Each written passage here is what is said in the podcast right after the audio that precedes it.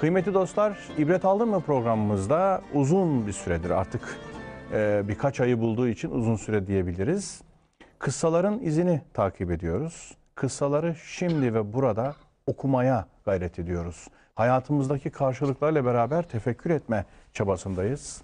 Profesör Doktor Mehmet Okuyan hocamla beraber bu yolculuğu, bu ince efendim uzun yolculuğu devam ettiriyoruz. Efendim e, epey bir süre e, Adem kıssasında, e, yaratılış kıssasında takarrur eyledik eski tabirle. Durduk böyle, eğlendik, biraz üzerinde düşündük, baktık. Tabii e, bu kadar konuşmanın ardından Habil ve Kabil diye meşhur olan ama belki değişik açılardan da bakılması imkanı söz konusu olan e, Maide suresinin de 27 ve 30. ayetlerinde bilhassa özetlenen, ifade edilen o meşhur hadiseyi, meşhur ibareleri, ifadeleri e, yorumlamamamız, düşünmememiz, ele almamamız mümkün değildi. Dolayısıyla gelip dayandığımız nokta aslında programlarımızın akışı içerisinde burası. İnşallah bugün e, ibret aldın mı da bu noktayı nazardan e, ele almayı düşünüyoruz programımızı. Bu vesileyle de açılışımızı yapmış durumdayız. Kıymetli hocam hoş geldiniz, safalar getirdiniz. Teşekkür ederim. Allah razı olsun. Keyfiniz, haliniz nicedir? Elhamdülillah. Siz nasılsınız? Hamdolsun hocam. Çok Allah teşekkür ederim. versin. Allah razı olsun. Sevgili hocam açılışta da arz ettiğim gibi e, bu kadar yaratılış efendim ardından A- Hazreti Adem Adem kıssası diye meşhur olan orada birçok meseleye giriş çıkışlarımız oldu. E, derinlemesine analiz ettiklerimiz, yorumladıklarımız oldu. Bir konuyu bazen iki program konuştuklarımız oldu. O kadar önemliydi. E, müsaadenizle ben e, Habil ve Kabil diye meşhur olan bu kıssayı, bu meseleyi, bu meseleyi artık ne diyorsak e, ele alalım diye düşünüyorum. Ve e, önümde açık olan meallerden efendim Maide suresinin 27 ve 30. ayetlerini bir meallendirmek istiyorum. Daha sonra da siz kendinize göre vurgularınızı yapabilirsiniz. Onlara Adem'in iki oğlunun gerçek olan haberini oku. Hani onlar Allah'a yaklaştıracak birer kurban takdim etmişlerdi de ikisinden birininki kabul edilmiş, öbürününki kabul edilmemişti. Kurbanı kabul olunmayan diğerine seni elbet öldüreceğim demişti. Beriki de Allah ancak takva sahiplerininkini kabul eder. Yemin ederim ki beni öldürmek için elini bana uzatırsan ben seni öldürmek için elimi uzatmam diyor. Şüphesiz dilerim ki sen kendi günahınla birlikte benim günahımı da yüklenesin de cehennemliklerden olasın. İşte zalimlerin cezası budur. Nihayet nefsi onu kardeşini öldürmeye cüretlendirmiş ve onu öldürmüştü. Bu yüzden de zarara uğrayanlardan olmuştu. İlahir devam ediyor. Şimdi hocam e, Kur'an'da Habil ve Kabil ismine rastlamıyoruz. Yok. Adem'in iki oğlu. Ama bizim tefsir geleneğimize ve rivayet kültürümüze baktığımız, geleneğimize baktığımızda Habil ve Kabil kıssası etrafında pek çok yorumun yapıldığını, pek çok düşüncenin, fikrin, fikriyatın geliştirildiğini görüyoruz. Şimdi e, daha işin en başında bunları gözeterek Habil ve Kabil kıssasına nasıl giriş yaparız ya da Adem'in iki oğlu kıssasına nasıl giriş yaparız? Bu mesele nasıl giriş yaparız? Evet Yusuf Bey.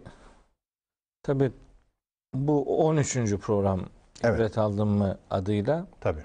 Tabi hala daha ilk peygamberden, ilk nesilden söz ediyor olmak acaba bu kıssalara girilmeyecek mi gibi bir anlayışa ya da soruya sebep olabilir.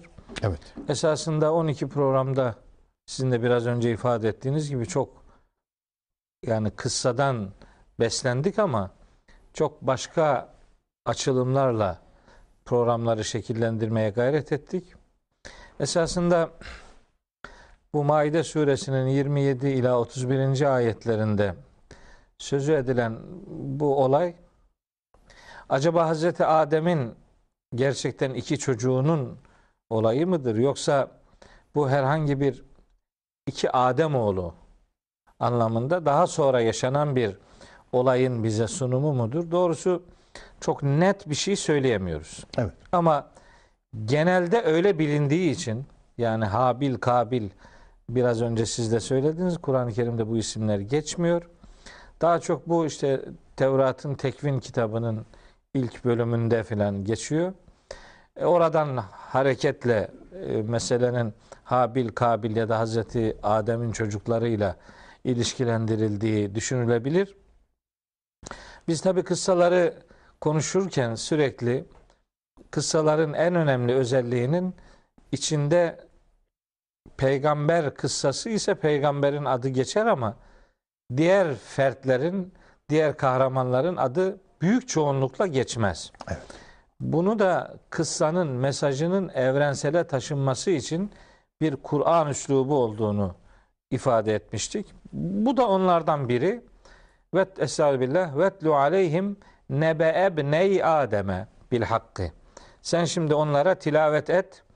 Adem'in iki oğlunun haberini bil hakkı bir amacı gerçekleştirmek için. Şimdi nebe ebney Adem'e. Nebe haber demek. Haber.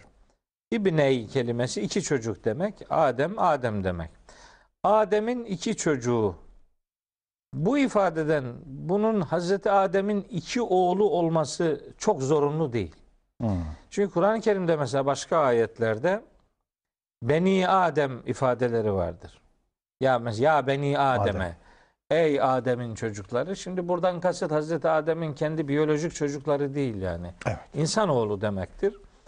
E, dolayısıyla işte ya Beni Adem'e ifadesinde nasıl ki maksat Hazreti Adem'in e, biyolojik anlamda kendi çocukları olmadığı insanlık ailesi e, kastedildiği için burada da iki Adem oğlu yani Adem'in iki oğlu iki tane fert manasının kastedildiğini söylemek durumundayız.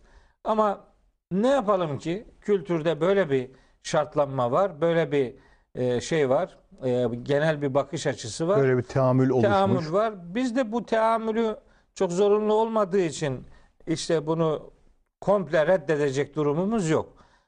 Ama biz şimdi bu ilk cümlede bir ifade var.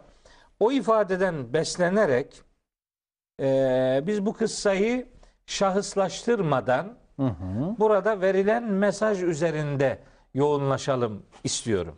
Evet. Maksadımız mesaja vurgu yapmaktır. Vetlu zaten vetlu kelimesi tilavet kelimesi okudum Düşünmeyi programlarından da e, hatırlayacak gibi. kardeşlerim. Tilavet kelimesi daha çok e, bir aktarma manası verir. Gündeme getirme manası verir. Tekrarlama manası verir. Bir de peşinden gitmek, izini sürmek manası da verebilir ki kıssa kelimesinin kelime anlamlarından biri de budur. Öyleyse biz bu anlatılacak, bu beş ayetlik pasajda anlatılacak meselenin ne kadar peşinden gideceğiz? Yani bizi bu kıssada peşinden sürükleyecek şey nedir? Oradan hareketle bu kıssayı okuyalım istedim. Ee, biz buradan şimdi bir ders alacağız. Evet. Zaten vetlu aleyhim nebe ebney Adem'e bil hakkı. Oradaki bil hak ifadesi tabi hak ile diye tercüme ediliyor. Hak ile tercümesi yani çok anlaşılır bir tercüme değil. Bir kıssayı hak ile tercüme etmek Ne veya demek? aktarmak yani çok anlaşılmıyor. Bunu bütün hakkaniyetle, bütün gerçekliğini ortaya koyarak gerçek olan halini size aktarıyoruz anlamında alabiliriz. Ama başka ayetlerdeki kullanımlarına bakarak bu bil hakkı ifadesinin bunu daha güzel bir şekilde bir amaca uygun olarak bir mesajı gerçekleştirmek üzere bu kıssa anlatılacak. Biz de buradan onun ortaya koymak istediği mesaj kısmıyla ilgilenelim diye bu kıssalara bakıyoruz. Mesela bakın diyelim kainatın yaratılış sisteminden söz eden ayetler var Kur'an-ı Kerim'de. Tabii. Onlarca dolu. Yunus suresi 5. ayette buyuruyor ki Yüce Allah huvellezî ceale şemse diyâen vel kamera nuran ve kadderahu menazile li ta'lemu adedes sinine vel hisab ma halakallahu zâlike illa bil hakkı. Allah bütün bunları bir hak ile yarattı. Yani bütün bunları bir amaç için yarattı. Bir mesaj için yarattı. Bunların bir anlamı vardır, bir amacı vardır. Siz işin anlam ve amacıyla ilgilenin. Hele ki ayette isim zikredilmediyse bunu ille de isimleştirmek üzere bir gayretin içerisine girmeye gerek yok. Biz burada meselenin tilavetiyle meşgul olacağız. Yani izini takip noktasında ne kadar nasıl bir yol takip edeceğiz? Bu soruyu soracağız. İkincisi de bilhak ifadesinden hareketle bu kıssanın ya da bu darbı meselenin eğer bu Hazreti Adem'in iki oğluysa bu artık kıssa olur. Yok iki oğlu değil de kim olduğu belli değil ise İki Adem oğluysa İki Adem oğluysa bu bir darb mesele olabilir. O zaman zaten şahıs üzerinde hiç durmanın bir alemi yok. Böyle bir meselenin gerçekleşmiş olma şartı da yok. Böyle bir olay illa da gerçekleşmiş olmak zorunda da değildir. darb mesel olduğunda farazi olabilir. Olabilir. Onlar da hepsi farazidir demiyorum. Tabii. Onların gerçekleşeni de vardır. Tabii. Ama kıssa gibi gerçekleşmişlik onlarda yüzde yüz bir şart ya da bir Değildir. zorunluluk değildir. Değildir. Şimdi buradan bakacağız. Yani ben ben şimdi iz karrabadan aşağısı bize burada verilmek istenen mesaj nedir? Madem ki Kur'an-ı Kerim'de var. Madem ki Adem oğlu, Adem'in iki oğlu diye e, başlıyor. Madem ki bir aktarım ifadesi ile başlıyor. Vetlü kelimesi bir aktarma manası da veren kelimedir. Öyleyse bize aktarılan bu kıssanın ya da bu sunumun vermek istediği dersler nelerdir? Orayla meşgul olalım. Tabii. İsimlerle çok fazla yoğunlaşıp da oralarda takılıp kalmayalım. Yani kıssayı evrensele taşımak, mesajı evrensele taşımak Evet. dediğiniz şeye yoğunlaşalım. Evet, oraya yoğunlaşalım. Peki. Şimdi ben tabi buraları konuşacağımız için hani daha bir dikkatle e, yani yüzlerce belki binlerce defa bu ayetleri okuyan bir insan olarak bir daha bir daha burada aslında bana ne söylenmek isteniyor sorusunu sorarak okuyunca yani önüme devasa bir e, alan çıktı. Evet. Meğer burada kullanılan kavramlar bizim Kur'ani kavramların içini doldurmada ne kadar işe yarıyormuş meğer. Bu ilgiyi kurma imkanı elde ettim. Sunulan bilgiler, kullanılan cümleler ve o cümlelerin hayata yansıyan kısmı, mesaj kısmı yavaş yavaş şöyle şekilleniyor. Şöyle başlıyor kıssanın e, işte sunumu. Estağfirullah. İz karraba kurbanen. Şimdi bakın kurban kelimesi. Kur'an'da bir de Ali İmran suresinde geçiyor. Kurban yakınlaşmak demektir. İz karraba kurbanen. Onlar bir kurban sunmuşlardı. Yani bir yakınlaşma aracı olarak bir sunum gerçekleştirmek istemişlerdi. Kurban yakınlaşmak demektir. Karube fiilinden türetilmiş. İşte karrabe de onun başka bir kalıbıdır. Kurbanın ta eğer Hazreti Adem'le alakalıysa bu kıssa zannedildiği gibi kurban ibadetinin Hazreti İbrahim'le başlamadığı anlaşılıyor. Evet. Eğer bu bizim bildiğimiz anlamda bir kurban ise yani bir hayvan boğazlama anlamında bir işlem ise bu ta Hazreti Adem'den başlıyor demektir. Konunun Hazreti İbrahim'le ilgili kısmı daha çok adak kurbanıyla yani ilişkilendirilebilir. Bu bize çok eskiden ilk insan neslinden beri kurban ibadetinin bulunduğunu gösterir. İnsanların yakınlaşma amacıyla bir şeylerden fedakarlık yapmak, feragat etme gibi bir duyguyu bütün insanlık tarihi boyunca fertlerde görüyoruz. Bunu öğreniyoruz biz. Kurban kavramını burada görüyoruz. Ali İmran suresinde de görüyoruz. Kurbanla alakalı başka surelerde tabi başka ayetler var da bu kelimenin kullanıldığı iki yerden biri burasıdır. Öyleyse biz kurban sunma, bir yakınlık ortaya koyma, bir fedakarlık ortaya koyma eylemini Hazreti İbrahim'le değil, Hazreti Adem'le başlatmak durumundayız. Kıssayı Hazreti Adem'in iki oğluyla Habil ve Kabil'le ilişkilendirirsek. Değilse, değilse de zaten ondan sonraki süreçte bu olayın kahramanları birebir Hazreti Adem'e yakın olabilir. Hazreti Nuh'tan sonra olabilir. İsrail oğullarına yakın zamanda yaşanmış bir olay olabilir. Bu surenin bu 27. ayetten öncesiyle 31. ayetten sonrası İsrail oğulları ile alakalı bir pasaj oluşturuyor. Dolayısıyla bu olayın İsrail oğullarının bildiği bir olay olduğunu söylemek durumundayız. Zaten vetlu aleyhim o aleyhimdeki hum zamiri onlara tilavet et manasıyla maksadın bağlam gereği Yahudiler olduğunu söyleyebiliriz. Ama daha evrensele taşıyacaksak bu kıssayı okuyan herkes buradaki mesajdan bir çeşit bilgilensin isteniyor da diyebiliriz. Evet. Her iki durumda da bir kurban sunumundan söz ediliyor ve bunun insanlık tarihi kadar eski bir ibadet biçimi olduğu anlaşılıyor. Kurban kelimesini buradan öğreniyoruz. Yakınlaştırma, yakınlık elde etmek için bir sunum ortaya koyma duygusunun insan psikolojisiyle ve insanın fizyolojisiyle yaratılmış olduğu ilk insan neslinden beri devam eden bir özellik olduğunu bu vesileyle söyleyebiliriz. Şimdi sonra geliyor. Fetukubbile min ahadihima ve lem yutakabbel minel ahar. Bu sunum onların birinden kabul edildi, diğerinden ise edilmedi. Kabul edilmeyen, kurbanı kabul edilmeyen, kabul edilene çıkışıyor. Kale diyor ki le aktulenneke seni muhakkak surette öldüreceğim. Ha, buradan anlıyoruz ki biz çok net bir şekilde şunu söyleyebiliriz. Demek ki bir başarı varsa bir yerde bu birilerinin kıskanmasına sebep olabilir. Evet. Başarısızlık bir kıskançlık ve sebebidir. Burada kurbanı kabul edilmeyen, kurbanı kabul edilene hemen bir düşmanlık ortaya koyuyor. Bu bir hasedin, bir kıskançlığın sonucu olarak ortaya konulan bir ifadedir.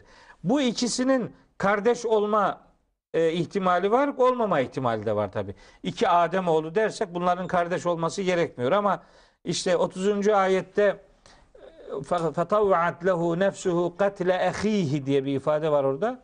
Kardeşini öldürmeyi işte nefsi ona sevk etti. Nefsi onu kardeşini öldürmeye sevk etti. Oradan hareketle bunun kardeşi olabileceğini de tabii ki söyleriz. Hani aynı toplumun fertleri birbirine kardeş olarak da ilan edilirler. Ve ilâ medyene ehâhum şuayba mesela. Medyene kardeşleri Şuayb'i gönderdik ama oralı demek yani. Aynı yörenin insanı manasına da gelebilir. Yani iki türlü de yorumlanabilir. Şimdi niye ikide bir Hazreti Adem'den kıssayı alıp da daha sonraki zamanlara getiriyorsunuz gibi bir çıkış e, oluşmasın, zihinlerde karışıklık olmasın. Bu ayetlerin metinsel yapısı iki türlü anlaşılmaya da müsaittir. Müsait. Her birinin kendine göre bir delili, bir referansı vardır. Buradan şunu söylemek istiyorum. Eğer kardeşi ise buradan çok çok güncel bir sonuç elde edebiliyoruz. Kıskançlık denen şey kardeşin kardeşini öldürmesine bile yol açabilir. Evet. Öyleyse biz bunu tabi Hazreti Yusuf kıssasında da biliyoruz. Biliyoruz evet. Kardeşlerin Hazreti Yusuf'a ve sonra da işte sonra yaşanan o yürek burkan enstantaneleri biliyoruz. Demek ki bu haset, bu kıskançlık denen hastalık öz aynı annenin aynı babanın iki çocuğunu bile birbirine düşman edebilir.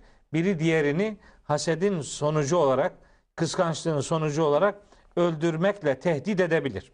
Bu önce tehdit. Tabii burada yalnız dünyevi tabii yani seküler, maddi bir şeye sahip olmaktan mütevellit bir kıskançlık hali değil. Yani Değil. takvaya istinad eden, e, yönelimi ilahi olan çünkü Allah'a kurban veriliyor. İkisi de manevi doğrudan doğruya bir eylem yapıyorlar. Dini hani derler Doğru, ya. doğru. Dini olmayan bir şey yok gerçi ama efendim e, dolayısıyla burada tabirinde ise hani e, mal olur, mülk olur, işte bilmem başka türlü edinilmiş şunlar bunlar olur. Bunlar değil. Sunulan kurban ve kurbanda gösterilen bir takva hissi ki birinin muttaki diğerinin olmadığı hani e, e, söyleniyor. Burada Evet. bir kıskançlık var. Doğru. Enteresan. Öyle bugün de öyle değil mi Yusuf Bey? Şimdi mesela dini şartlanmışlıklar var toplumda.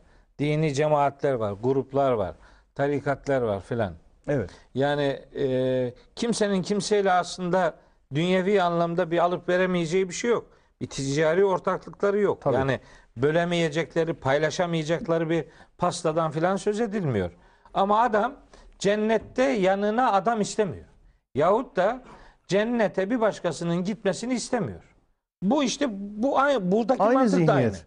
Yani onun takvası benden niye üstün? Ben seni öldüreceğim. Ha, evet. Şimdi böyle bir mantık çıkıyor buradan yani. Ya da işte Senin kurbanın kabul oldu, öldüreceğim. Ha, bu bir kısmı bugün mesela öldürmekten daha beter tehditler olur. Mesela diyor ki işte bu sapıktır, cehenneme gidecek bu. Yani hedef gösteren bir e, mantık var. E, bunu anlıyoruz. Bu demek buradan besleniyor bu Bes, iş. buradan besleniyor. Buradan geliyor yani. Ta i- ilk insan neslinden beri böyle bir haset, böyle bir kıskançlık duygusu var insanoğlunun. Zaten enteresan. Burada nefis kelimesi geçiyor. Biraz Evet, biraz, biraz, daha ileride. geliyor. Evet, evet. Ben o kelimeyi görünce hemen aklıma mesela Yusuf suresinin bir ayeti geldi. 53. ayet. Biraz sonra söyleyeceğim onu. Yine hemen aklıma Şems suresinin 8. ayeti geldi filan. Orada özellikle Şems suresinde Yüce Allah çeşitli varlıklara yemin ediyor. İşte bu yemin varlıklarından biri de nefs kelimesidir. Ee, ve nefsin ve ma sevvaha.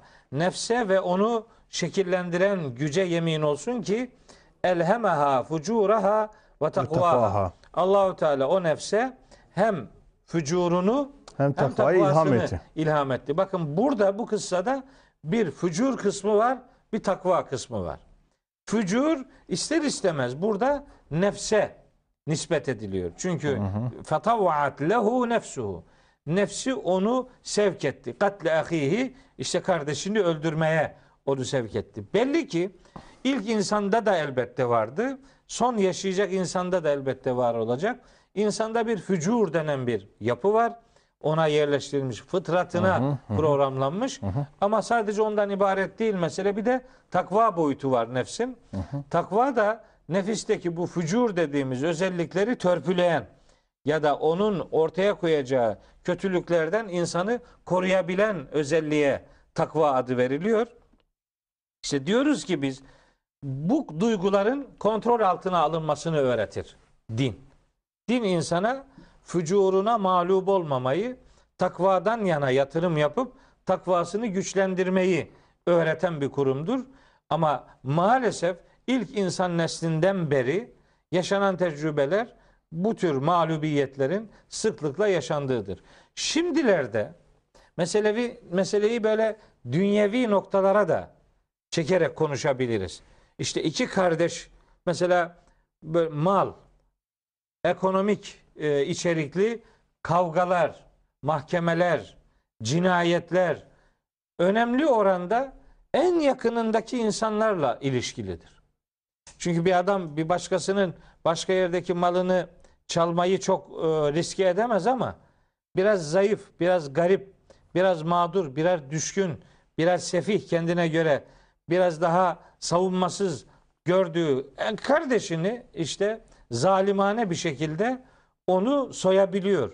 Onu sömürebiliyor. Malını, mülkünü elinden alabiliyor. Böyle olunca da öbür kardeş bu kardeşe, bu zalime düşman oluyor. Bunun burada sunulan elbette uhrevidir. Yani Allah'a yakın olmada bir mağlubiyetin, bir hasedin insanı sürüklediği noktalar e, öne çıkıyor ama bunun başka türlü versiyonları da var işte. Dünyevi hırs için, bir makam için, bir mevki için birbirine atılmadık iftiralar bırakılmıyor. Mesela ben şahsen böyle şeyler yaşadım Yusuf Bey. Yani şöyle yan yana oturup konuşuyorsunuz. Öyle öyle bir konuşuyorsunuz ki hiçbir problem mümkün değil. Aranızdan su sızmaz gibi bir e, muhabbet ortaya çıkıyor. Fakat arkanızı dönüyorsunuz. Ağzına ne gelirse söylüyor vatandaş. Her türlü dedikoduyu, her türlü iftirayı yapıyor. Öyle öyle bir noktaya vardırılıyor ki bu. Yani sanki cennet böyle birkaç kişinin sığabileceği küçücük bir mekan. Orada adam kendine yer kalmaz korkusuyla becerebildiği kadar, ulaşabildiği kadar ne varsa, kim varsa hepsini cehenneme postalamak gibi bir hastalık, bir kıskançlık ortaya koyuyor.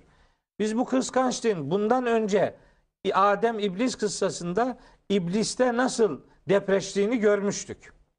Yani bilgi bil, bir imtihanda başarılı olan Adem'e aslında orada çok başarılı da Hazreti Adem'in değil ama Tabii değil. her neyse meleklerin gaybı bilememesi Tabii. ve bazı sorularının daha net cevabını almaları için Allah'ın secde emrine boyun eğdim melekler ama iblis eğmedi. Niye? Çünkü Adem'in bu mem, bu bu coğrafyada bu topraklarda halife olmasını içine sindiremedi. İşte onu kıskandı. Onun kıskançlığındaki şey or, e, asıl neden işte toprak ateş karşılaştırması yapması, kendine göre ateşin topraktan daha hayırlı olduğunu ortaya koyması. Yani o bir bahaneydi. Aslında orada- o kıskançlık yapmıştı Tabii. Hazreti Adem'e. Orada iblis ve e, Adem'in, iblisin kıskançlığında somut bir neden var. Ve bir mahiyet farkı var. Yani kıskanmasına sebep teşkil edecek unsur, husus onun karşısındaki varlığın topraktan kendisinin ateşten yaratılmış olması. Ama şöyle hayal edelim. Biz Allah'a yakınlaşma kastıyla Ahmet ve Mehmet hani Adem'in iki oğlu ya da iki Adem oğlu gibi bakacak olursak Ahmet Mehmet Allah'a yakınlaşma kastıyla e, muttakice bir eylemde bulunuyorlar. Çünkü ta- şey kurban gerçekten ciddi bir kendinden vazgeçiştir. Bir malı feda etme arzusudur Evet. ve dinde de dini hassasiyette de bir mesafe kat etmişliğin göstergesidir. Herkes kurban kesemez. Hele yakınlaşma kastıyla kurban, hani et kastıyla kesebilir ama yakınlaşma kastıyla kesmek gene bir mertebeyi gösteriyor. Bir e, üst düzey bir noktaya erişilmişliği gösteriyor. Şimdi biz bunu uyarlayalım günümüze. Siz ve ben diyelim Allah'a yakınlaşmak için namaz kılıyoruz. Sonra bir ses işitiliyor, bir şey oluyor işte. Efendim sizin namazınızın kabul edildiği, benimkinin edilmediği beyan ediliyor ya da beyan oluyor. Ben de onun namazı kabul oldu diye sizi öldürme niyetine giriyorum. Burada enteresan bir durum var yani. Ama namazın kabul olmamasında Misal. E, mesela tabii misal de yani e, o kabul olmayan adam muhtemelen biliyor ki onun o yaptığı fedakarlık doğru bir fedakarlık değil ve o cennete gidemeyecek. Aslında onun da derdi cenneti kaybetmişlikten kaynaklanan bir sıkıntıdır. Yani bilse ki onunki daha iyi, o cennetin daha iyi bir yerine gidecek. Benimki biraz daha avara, ben de biraz daha düşük bir yerine gireceğim. Öyle bir mukayesenin sonucu olduğunu sanmıyorum. Yani bu belki de cennetlik ya da cehennemlik olma noktasında bir sunum idi. Kabul olunmaması otomatik olarak bir cehennemlik olmayı hak etme anlamında bir korkunun ifadesi olsa gerek.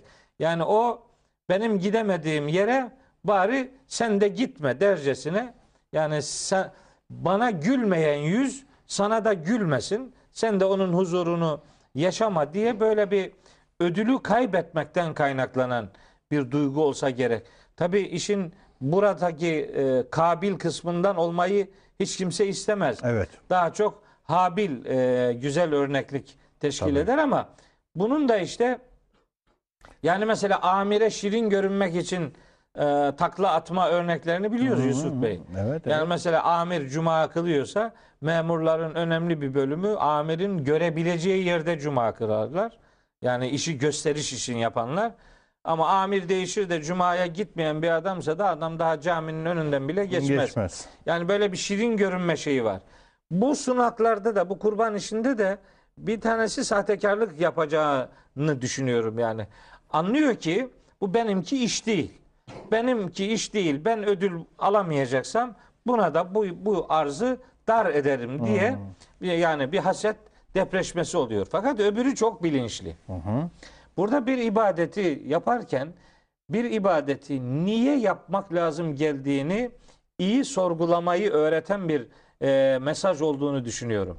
Yani kurbanı kabul edilen, tabi bu kurbanın bir hayvan olması gerekmiyor yani burada. evet. Ne olduğu belli olmadığı için. Yakınlaşma vesilesi, Vesilesi, olan evet. her şey gibi de düşünülebilir Aynen aslında. öyle. Dolayısıyla bu basit bir eylemden ibaret bir şey değil bu. Evet. Bu hayati bir imtihandı sanıyorum. Bu hayati imtihanı kaybetmekten kaynaklanan bir korkunun ya da ümitsizliğin ifadesi.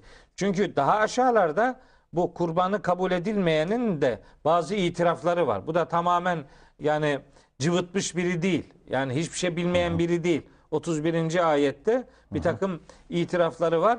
Ama kurbanı kabul edilenin şu cümlesi harikulade bir cümle. Kale ben seni öldüreceğim diyen muhatabına karşılık verdiği cevap çok evrensel bir cevap. Bizim bizim bütün ibadetlerimizi özetlemek durumunda olduğumuz bir cümle var burada.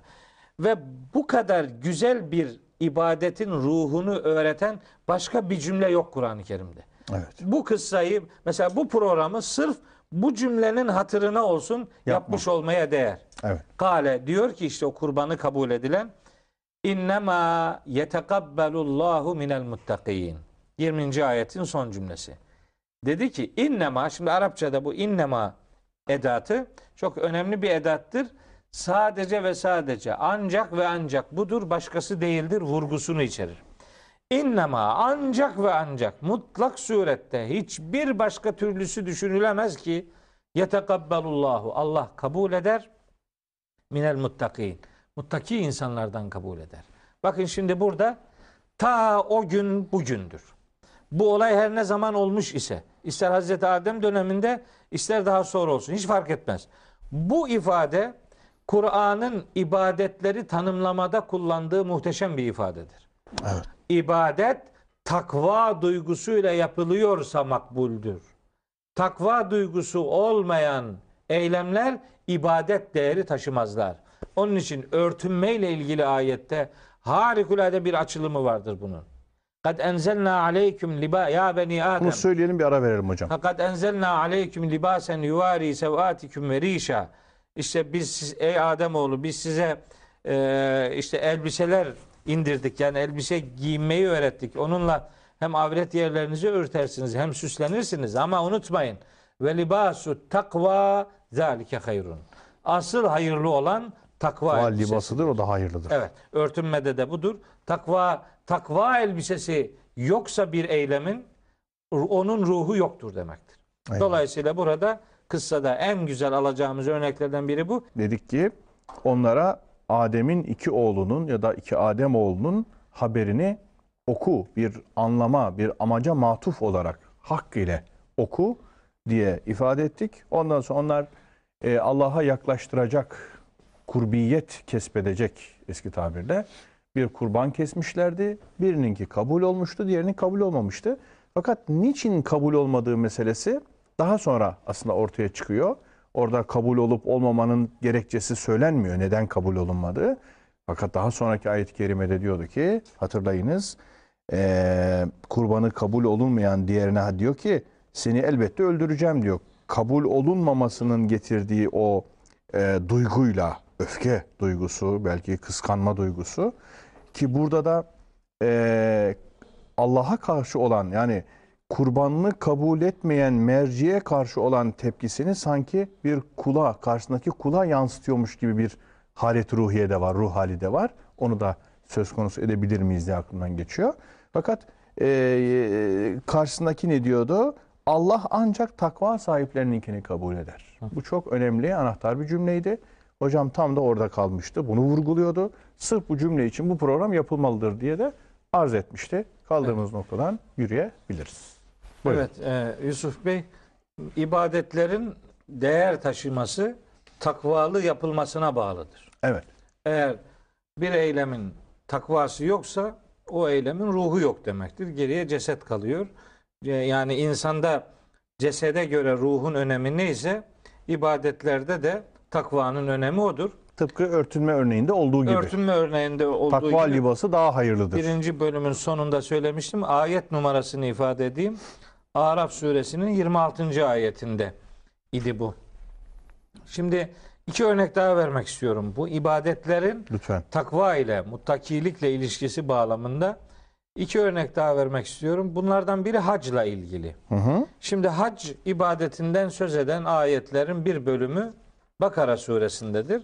Evet. Orada Yüce Allah surenin 197. ayetinde buyuruyor ki işte hac bilinen aylardadır. o aylarda kim hac ibadetini yerine getirirse işte şu şu şu şu yasakları yapmasın. Kim bir hayır yaparsa Allah onun yaptığı hayrı elbette bilir. Ve tezevvedu. Şimdi buradaki cümle önemli. Ve tezevvedu. Siz azık hazırlayın.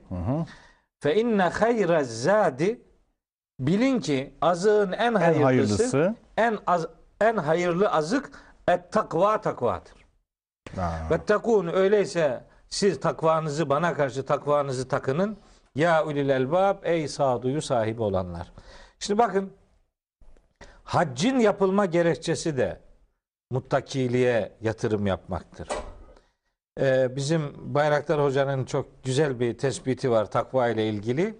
O takva ile ilgili der ki takvanın bir doğuştan getirileni vardır. Buna bağışıklık sistemi diyebiliriz. Bir de üzerine yatırım yapılan boyutu vardır. İşte mesela hac ve bütün ibadetler takva denizine akan ırmaklar gibidirler. İbadetler insanın bir taraftan takvasının sonucudur, bir taraftan takvasını besleyen değerlerdir. Aynen öyle. İki taraflı bir e, kavram. Hac çok muhteşem bir ibadet, çok yönlü bir ibadet.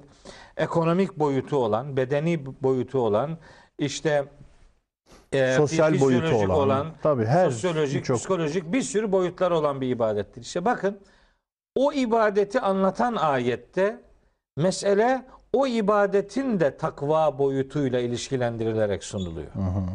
Haccınızın hac olmasının en önemli göstergesi takvalı oluşunuzdur. Eğer giderken giderkenki haliniz dönüşte daha iyiye evrilmemişse ibadetinizde takva noktasında bir takım sıkıntılar vardır demektir. Şimdi mesela çok karşılaşırız şu cümlelerle. Mesela hele ki namazla ilgili. Evet. Şimdi namazın sosyolojik sonuçları vardır. Kur'an-ı Kerim onları anlatır. Şeyde Ankebut suresi 45. ayet çok nettir bu konuda. Estağfirullah. Utlu ma uhiye ileyke minel kitab ve akimis salah. İnne salate tenha anil fahşai vel münker. İşte namaz bütün çirkinliklerden ve bütün kötülüklerden uzaklaştırır. Evet. Fahşa ve münker. Evet, fahşa çirkinlikler, münker kötülükler. Şimdi bunlardan uzaklaştırıcı diye tanımlanıyor namaz. Adam diyor ki hocam ben hem namaz kılıyorum hem filanca kötülükleri yapıyorum. Bu namaz beni bu kötülüklerden uzaklaştırmıyor. Niye? Heh, bunun cevabı belli.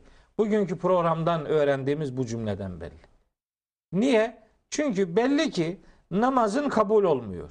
Peki niye kabul olmuyor? Takva. Çünkü namazı takvalı kılmıyorsun demektir. Bu artık anlaşılıyor. Onun için diyorum ki bu cümle çok önemli bir cümle. Bir yani hayatı özetleyen cümle bu. Mesela bakın kurban ibadetinden söz eden ayetler var Kur'an-ı Evet. Kerim'de. Evet. Evet. Mesela Hac suresinin 34, 35, 36, 37, 38. ayetleri kurbanı anlatır. Onların ne kanı eti değil mi? İşte 37. ayet o Yusuf Bey. Orada diyor ki Rabbimiz Estağfirullah buyuruyor ki len yenalallâhe luhumuha ve la dimauha. Oradaki len edatı bir şeyin gelecekte de imkansız olduğunu gösterir. O kesilen hayvanların etleri de kanları da Allah'a asla ve asla ulaşmayacaktır. Peki nedir bu eylem? Sebep ne? Velakin ancak yenaluhu Allah'a mutlaka ulaşır. Et takva minküm. Sizin Allah'a olan duyarlılığınız, yakınlık duygunuz, ulaşacak. takvanız. Orada konu yani Hac suresi 37. ayette konu birebir kurban ibadetiyle alakalıdır. Burada kurban kelimesi vardır ama bu kurban kelimesi bildiğimiz normal kurban ibadeti anlamında bir hayvan kesimiyle ilişkili olmayabilir. Öyle de olabilir de illa ol- olmak zorunda değildir. Çünkü burada kullanılan kelime nekre bir kelime. Kurbanen herhangi bir yakınlık şeyi demek. Yakınlık gösterisi, göstergesi yani. Yakınlık e, arzusuyla dil- yapılan bir eylem. Her Eylem. neyse yani. Ama Hani- temelinde yakınlaşma arzusu var. Tabi. İz karraba kurbanen. Yani Allah'a yakınlaşmak için ortaya konulmuş bir yakınlık eylemi yani. Bunun limiti yok. Evet. Ne kadar kim ne yapıyorsa karşılığı o kadar iyi olur.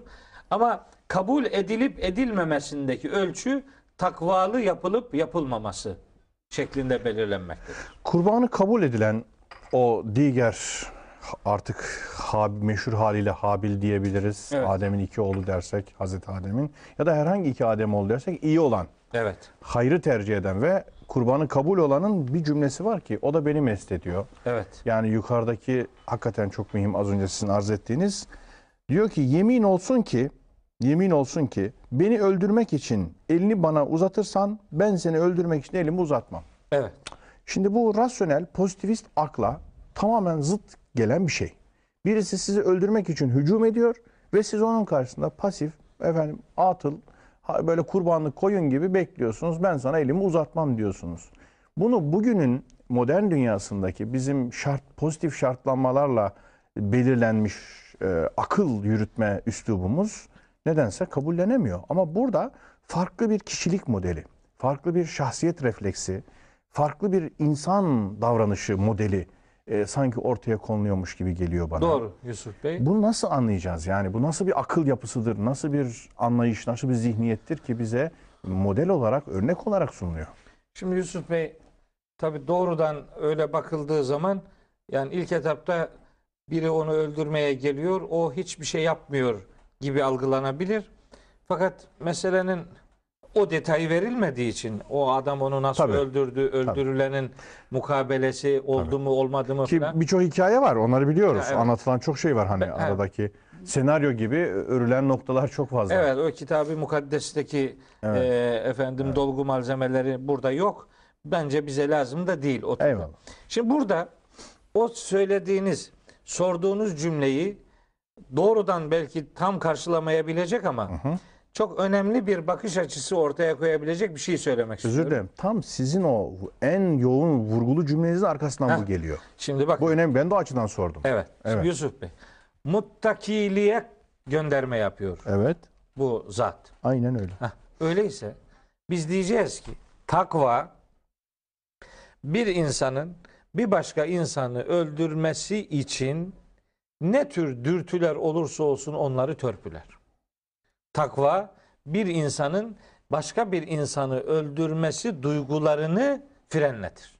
Hı hı. Takva böyle böyle sonuçları olan bir e, hususiyet. Ama bu insan düşmanı değil. Az önce beraber kurban aladıkları arkadaşı, kardeşi, yakını ya da aynı kulvardaki kişi. İşte onda takva olmayınca takva sahibi olmamak en yakınındakine bile zarar vermeyi mübah gösterebilir. Kendince yapılabilir gösterebilir ama takvalı, takva sahibi olan bir adamın böyle bir şey aklının ucundan dahi geçmez.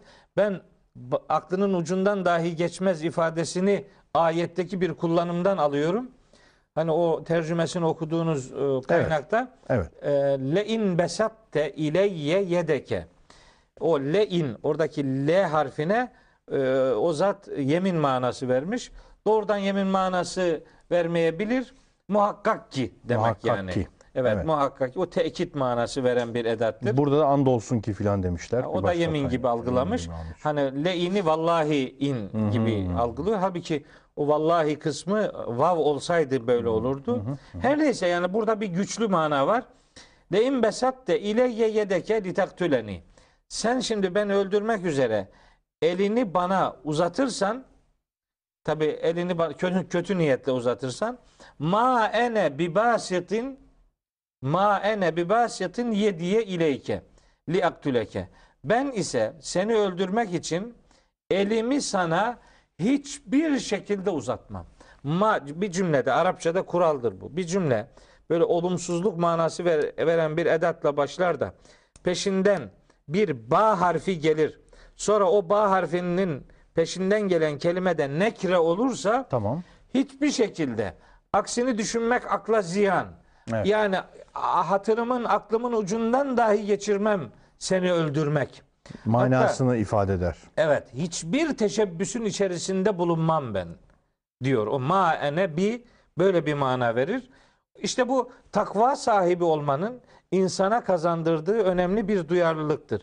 Çünkü muttaki olmak bu tür bir gerekçeden dolayı bir insanın hayatına kastedilemeyeceği duygusunu öğretir insana.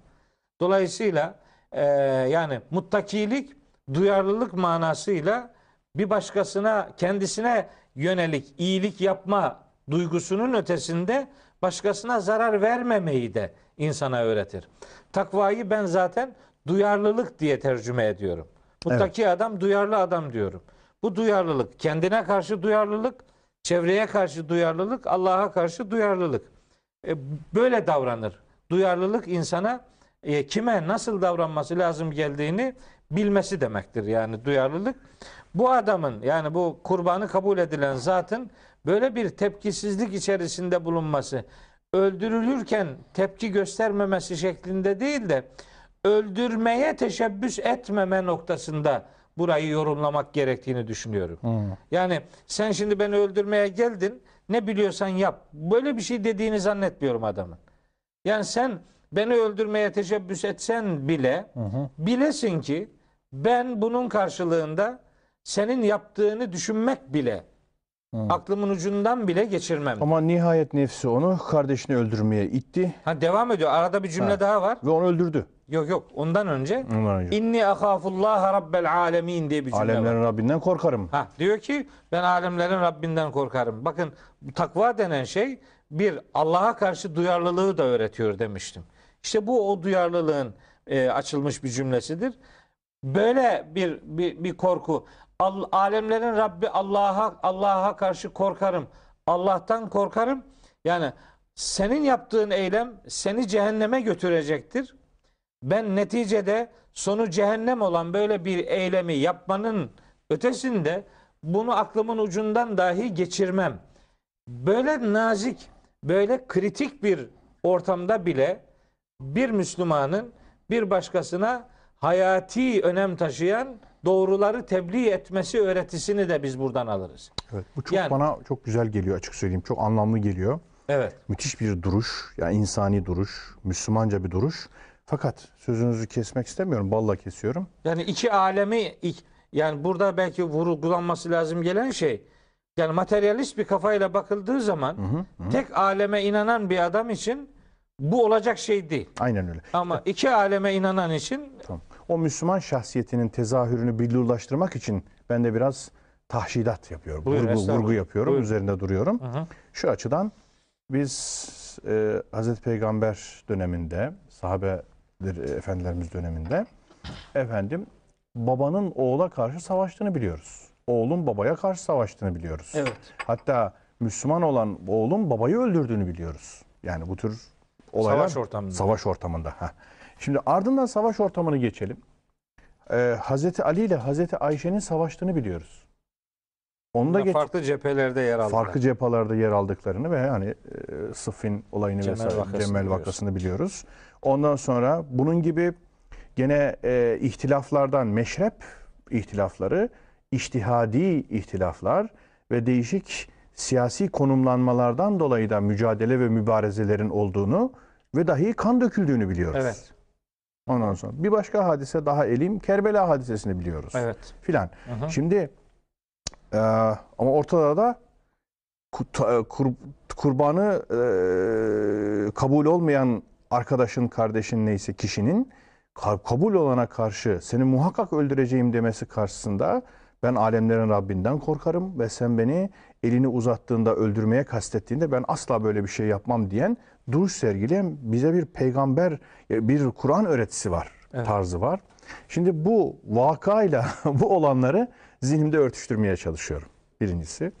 İkincisi e, nefsi müdafaa diye bir şey var. Nefsi müdafaa var. İnsan nefsi azizdir yaratılışı itibariyle ve onun izzetinin de muhafazası lazımdır. Canın ve malın e, korunması.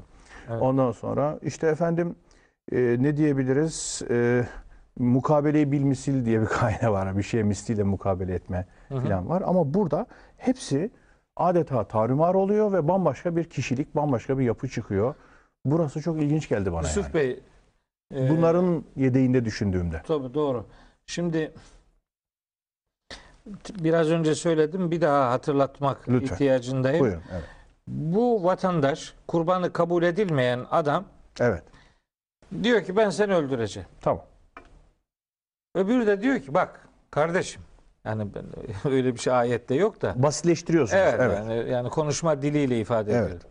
Yani bu senin düşündüğün şey akla ziyan bir şey. Yani sen beni niye öldüreceksin ki? Yani bak bunu düşünüyor olmana rağmen Evet. beni öldürmeyi diline getirmiş olmana rağmen ben böyle bir şartta bile şimdi senin beni öldürmen için hiçbir sebep yok. Ama sen bunu bir tehdit unsuru olarak bana söylemiş olmana rağmen ben gene sana elimi uzatmam. Ben böyle bir şey yapmam. Bu şu demek değil. Sen beni öldürürken ben sana karşı hiçbir tepki vermem demek değil bu. Çünkü bu adamın onu nasıl öldürdüğünü biz bilmiyoruz. Bu, bu arada o anlatılmamış. Anlatın. Yani, Yani bu bu, bir- adam nefsini müdafaa etmekten vazgeçmiş mi? Fiili Bilmiyoruz. bir defak, fiili bir durum karşısında hiçbir şey yapmayacağı manasında Değil. yorumlanmamalı diyorsunuz. Evet çünkü öyle bir detay yok Tamam. burada. Yani bu adam kim bilir belki de hiç haberi olmadan yani o bu Apansız konuşma öldürdü. olurken orada hemen kaldırıp onu öldürdüğünü sanmıyorum. Çünkü devam ediyor. Bir sonraki ayette Belki de bak tuzak diyor. kurdu, bir şey yaptı diyorsunuz. Yani muhtemelen onu yani kimse böyle kendi başına gidip de al geldim şimdi beni öldür falan demez. Hmm. Bu kararlılığa rağmen ben o bu öldürülen zatın hiçbir tedbir almadan tamam sen ne biliyorsan yap dediğini hiç öyle öyle düşünmüyorum. Yani- Muhtemelen bir kurban gibi teslim olduğunu o da düşünmüyorsunuz. düşünmüyorum. Yani o kurban oluşunu zaten sunduğu şeyle ortaya koymuştu. Onun yeniden bir adamın önüne kurban gibi gelmesine gerek yok. Burada önemli olan bir tehdide rağmen bir Müslüman o tehdidi ortaya koyan kişiye ben senin bu tehdidine karşı ben senin için böyle şeyler düşünmüyorum. Çünkü benim düşünmek durumunda olduğum bir alemlerin Rabbi var ve onun huzurunda hesap vermek var. Dolayısıyla orayı düşününce burada böyle düşük şeyler, böyle kötü şeyler, çukur şeyler yapmam diye bir din tebliğinde bulunuyor. Ben bu ayetlerden bu kurbanı kabul edilen kişinin nasıl bir dini duyarlılık ve nasıl bir tebliğ ortaya koyduğunu görüyorum. Yani oradan bakıyorum. Evet. Öbür türlü eğer dediğiniz gibi vatandaş bunu söyler söylemez Saf bir e, pasifizasyon. pasif evet pasif gelip de oradan hemen onu öldürdü de o da hiçbir şey yapmadıysa şu zaman o nefsi müdafaa denen şeyi yapmamış olma noktasında bu defa o da kabahatli olur. o da yani. kabahatli olması gerekir diye bir Gerekirdi. sonuç çıkıyor. Ama öyle bir şey olmadığı için ayetlerde meselenin orasını biz bilmiyoruz. Buradan çünkü kapı açıp da aralayıp da hani Hazreti İsa'nın tabii ona giydirilmiş kimlikten bence konuşulan bir tarz bu. Hani bir yanağına vurulduğunda öbür yanağını da çevir Hiç diye. öyle dediğini Ee, zannetmiyorum. işte yani ben de düşünmüyorum Evet. fakat e, o, pasif itaatsizlik ondan sonra vesaire bunlara kapıyı açarak pasifizasyon kapı açarak e, yorumlar geliştiriliyor. Fakat ikisinin de yakın arkadaş ve kardeş kurban sunacak kadar da e, hassas düzeyde dini hassasiyeti olan insanlar kategorisinde olduğu unutuluyor gibi geliyor bana. O açıdan biraz üzerine durmak Doğru. istedim. Evet. Doğru iyi ki de dediniz biz de bunları söyleme imkanı Tabii. bulduk. Yani gerçekten e, yani bu bu kıssayı şu beş ayetlik bölümü çok e, içine gire gire evet. düşünmeden bir meal mantığıyla Geçersek- oku- geçersek sanki gerçekten öyle bir şey varmış gibi adamın aklına gelebilir. Tabii. Fakat o ayetlerin arasını doldurarak yapılan yorumlar olur o zaman. Ayetin metninde böyle bir şey yok.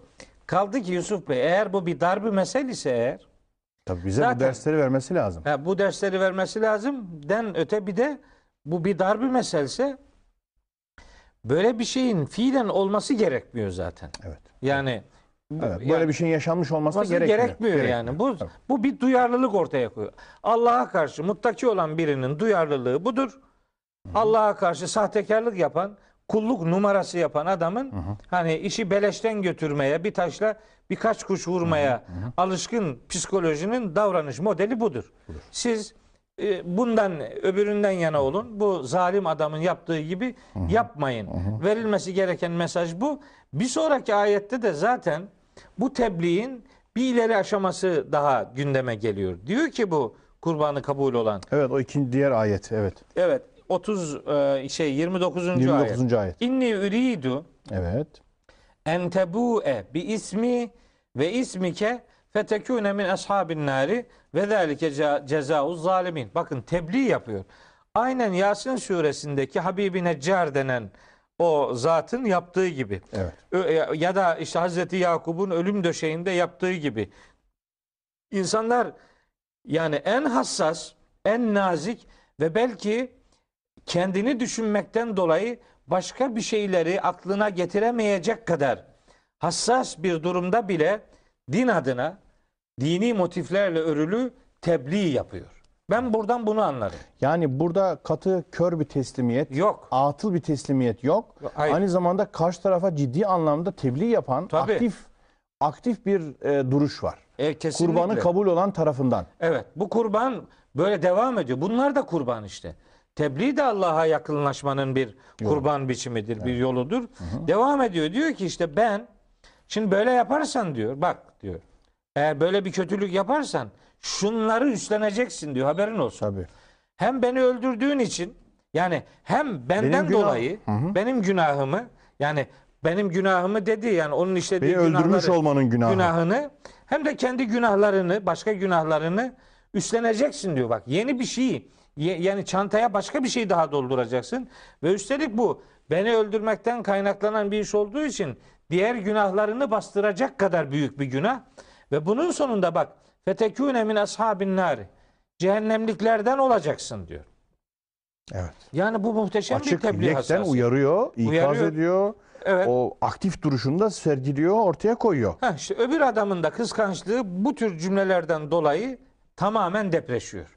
Ve de hani demek istiyor ki yani beni kurban sunmada hem geçtin hem şimdi bir de bana böyle bir bilgiçlik yapıp hala bir şeyler taslamaya gayret ediyorsun diye hani bir adamın adamın damarlarını şişirecek kadar üzerine gidiyor.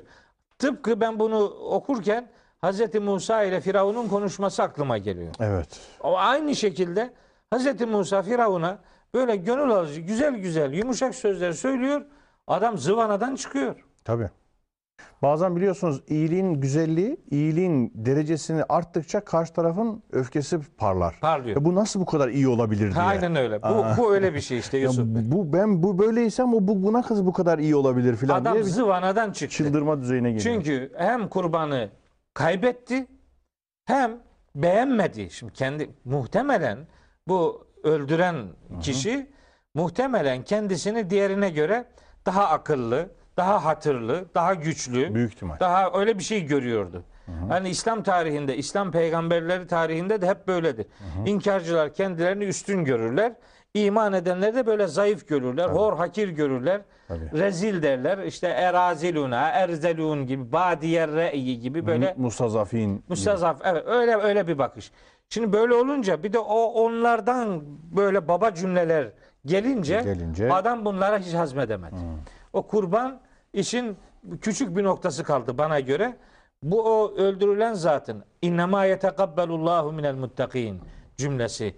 Le in besatte ileyye yedeke li taktuleni ma ene bibasidin yediye ileyke li yaktuleke inni akhafullaha rabbel alemin inni yuridu en tebu'e bi ismi ve ismike fetekune min ashabin nari ve zalike cezaa'u zalimin tam bir yani bir kitap eğitimi yapmış Evet. Evet. bu zat. Dolayısıyla öbür adam bunları doğru algılamak ve bunlardan doğru sonuçlar çıkartmak yerine bunu kıskançlığının, hasedinin tam bir tetikleyicisi, roketi gibi algıladı.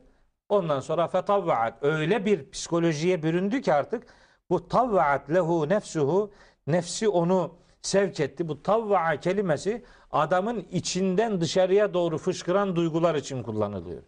Yani Volkan patlamaları gibi tam- adeta. Evet evet tam tam yüreğinin içinden o kadar o kadar öfkelendi ki nefsi onu kardeşini öldürmeye işte sevk etti fakat elehu ve sonunda o kardeşini öldürdü ve asbaha minel hasirin.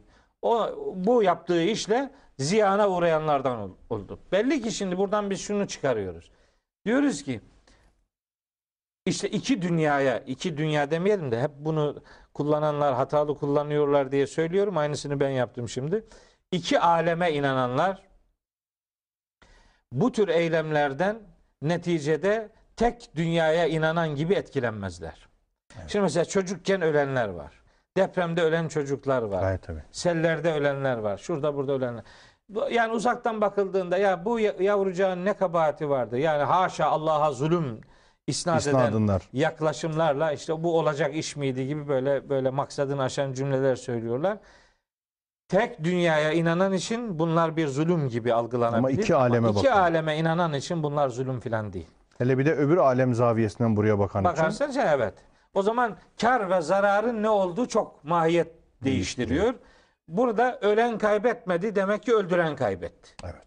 Ölen kazandı hatta. Ölen kazandı tabii. Tabii. Öldüren kaybetti. Ondan sonra da bir şey daha var. Gerçi burada tartışılacak bir konu var ama oraya girmeyeyim isterseniz. Yani benim günahımı ve senin günahını Hmm, günahını. alacaksın filan diye birbirinin günahını insanlar almazlar. Ve la teziru vaziretun vizre uhra diye. Birinin Kur'an-ı günahıyla diğeri sorumlu olmaz sorumlu meselesi. olmaz diye. Hani suçlar ferdidir. Başkasını eğer e, fiilen karışmamış, akıl vererek karışmamış, teşebbüs etmemişse birinin yaptığı günahın sorumluluğu ona aittir. Burada niye böyle diyor bu öldürülen zat? Yani beni öldürmekten kaynaklanan bir günahın olacak. Yani benimle ilişkili bir Tabii. günahın oluşacak. Onu da ekstra yükleneceksin. Ha, evet yani bu be- beni öldürmen öbürlerini adeta bastıracak kadar bir büyük kabahat olacak. Onu hatırlatıyor. Yani o birbirinin günahını çekmemeyle çelişmiyor bu, bu buradaki Ama- söz. ama- Amenna. E, dolayısıyla iyi görmek lazım. Bir de en sonunda Onunla var. bitiriyoruz. bitiriyoruz. Evet. En sonunda bir şey daha söyleyeyim. Diyor ki fatavvaat lehu nefsuhu nefsi onu sevk etti. Biz bu cümleyi bir yerden daha hatırlıyoruz. Şimdi nefsi onu nere sevk etti? Katle ehihi kardeşini, Kardeşini öldürmeye. öldürmeye. Kardeşini Dikkat edelim kardeşi. Evet, Düşmanı kardeşi. değil. Değil, evet tabi. Şimdi bu yani. Hazreti Adem'in iki oğluysa zaten biyolojik kardeşlik Biyolojik oluyor. kardeş. Öbürü de yani tanışı. İnsan kardeşliği ya da tanışı. evet. Yani Yakın. böyle muhabbet ettiği biri en azından. Bunu öldürmeye nefsi onu sevk ediyor. Biz bu cümleyi şeyde de görüyoruz. Yusuf suresinde Evet. Hazreti Yusuf'un Züleyha ile olan işte e, o olayında anlatılıyor. Ve ma uberri'u nefsi 53. ayet. Ben nefsimi temize çıkarmıyorum. Tebriğ etmiyorum. Evet, evet. İnnen nefse le emmâratun bis-sû'i. Muhakkak ki nefis kötülükleri çok emredicidir. İşte bakın oradaki nefsin emrettiği kötülük orada zina idi. Evet. Zina teşebbüsüydü. Burada öldürme. Burada da adam öldürme. Demek ki nefsin böyle bir tarafı var. Ama bu bütünüyle nefsi tanımlayan ifadeler değil bunlar. Değil. Biz nefsin mutmainne olan kısmını da biliyoruz. Radı, merdiye olan kısmını da Kısmını da biliyoruz. biliyoruz. Hatta bütünüyle insanoğlunu hatta günahsız çocuklar için bile Allahu Teala nefis kelimesini kullanıyor. Can manasında Can manasını kullan- kullanıyor. kullanıyor. Nefis deyince hep aklımıza kötü şeyler, olumsuz şeyler gelmemesi lazım. Nefs insan insan mesela la uksimu bi yevmil kıyameti ve la uksimu bin nefsil levvameti.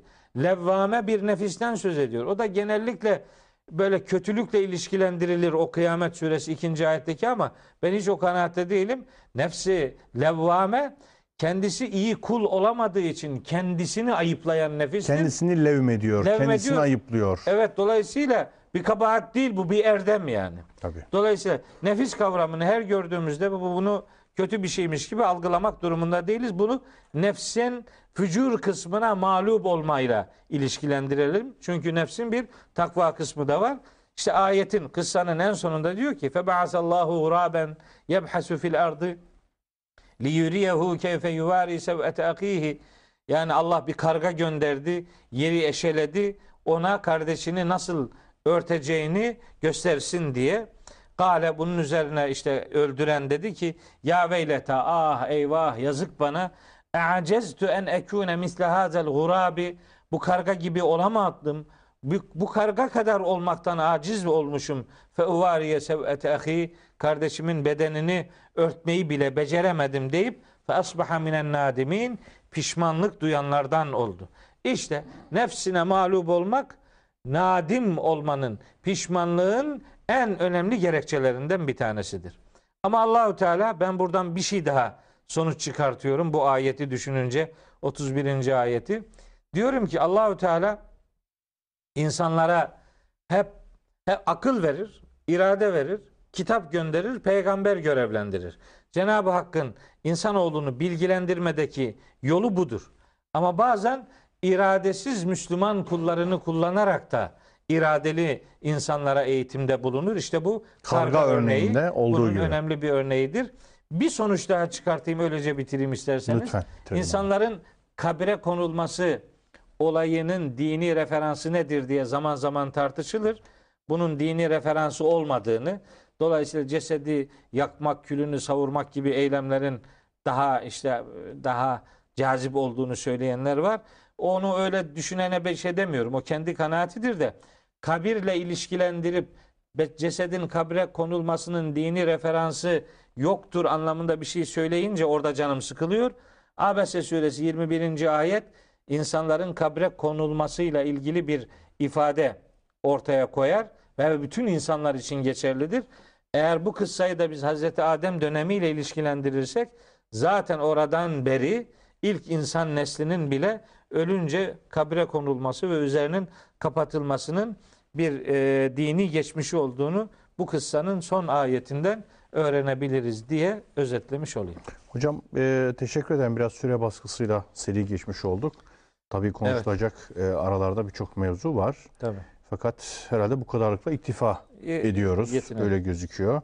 En sonunda işte e, bir tek nefsi öldüren bütün nefisleri öldürmüş gibidir. Ha o, o bir sonraki Bir ayet. sonraki 32. mesele yani ayet. geniş derin bağlantıları Tabii. var. Onları Tabii. da sevgili izleyenlerimizin müdakkik zihinlerine havale ediyoruz. Geniş çağrışımlarına efendim bırakıyoruz. Alıp yürümeleri inşallah onlar için de bizim için de güzel olur diyoruz. Çok teşekkür ediyorum. Ben teşekkür ederim.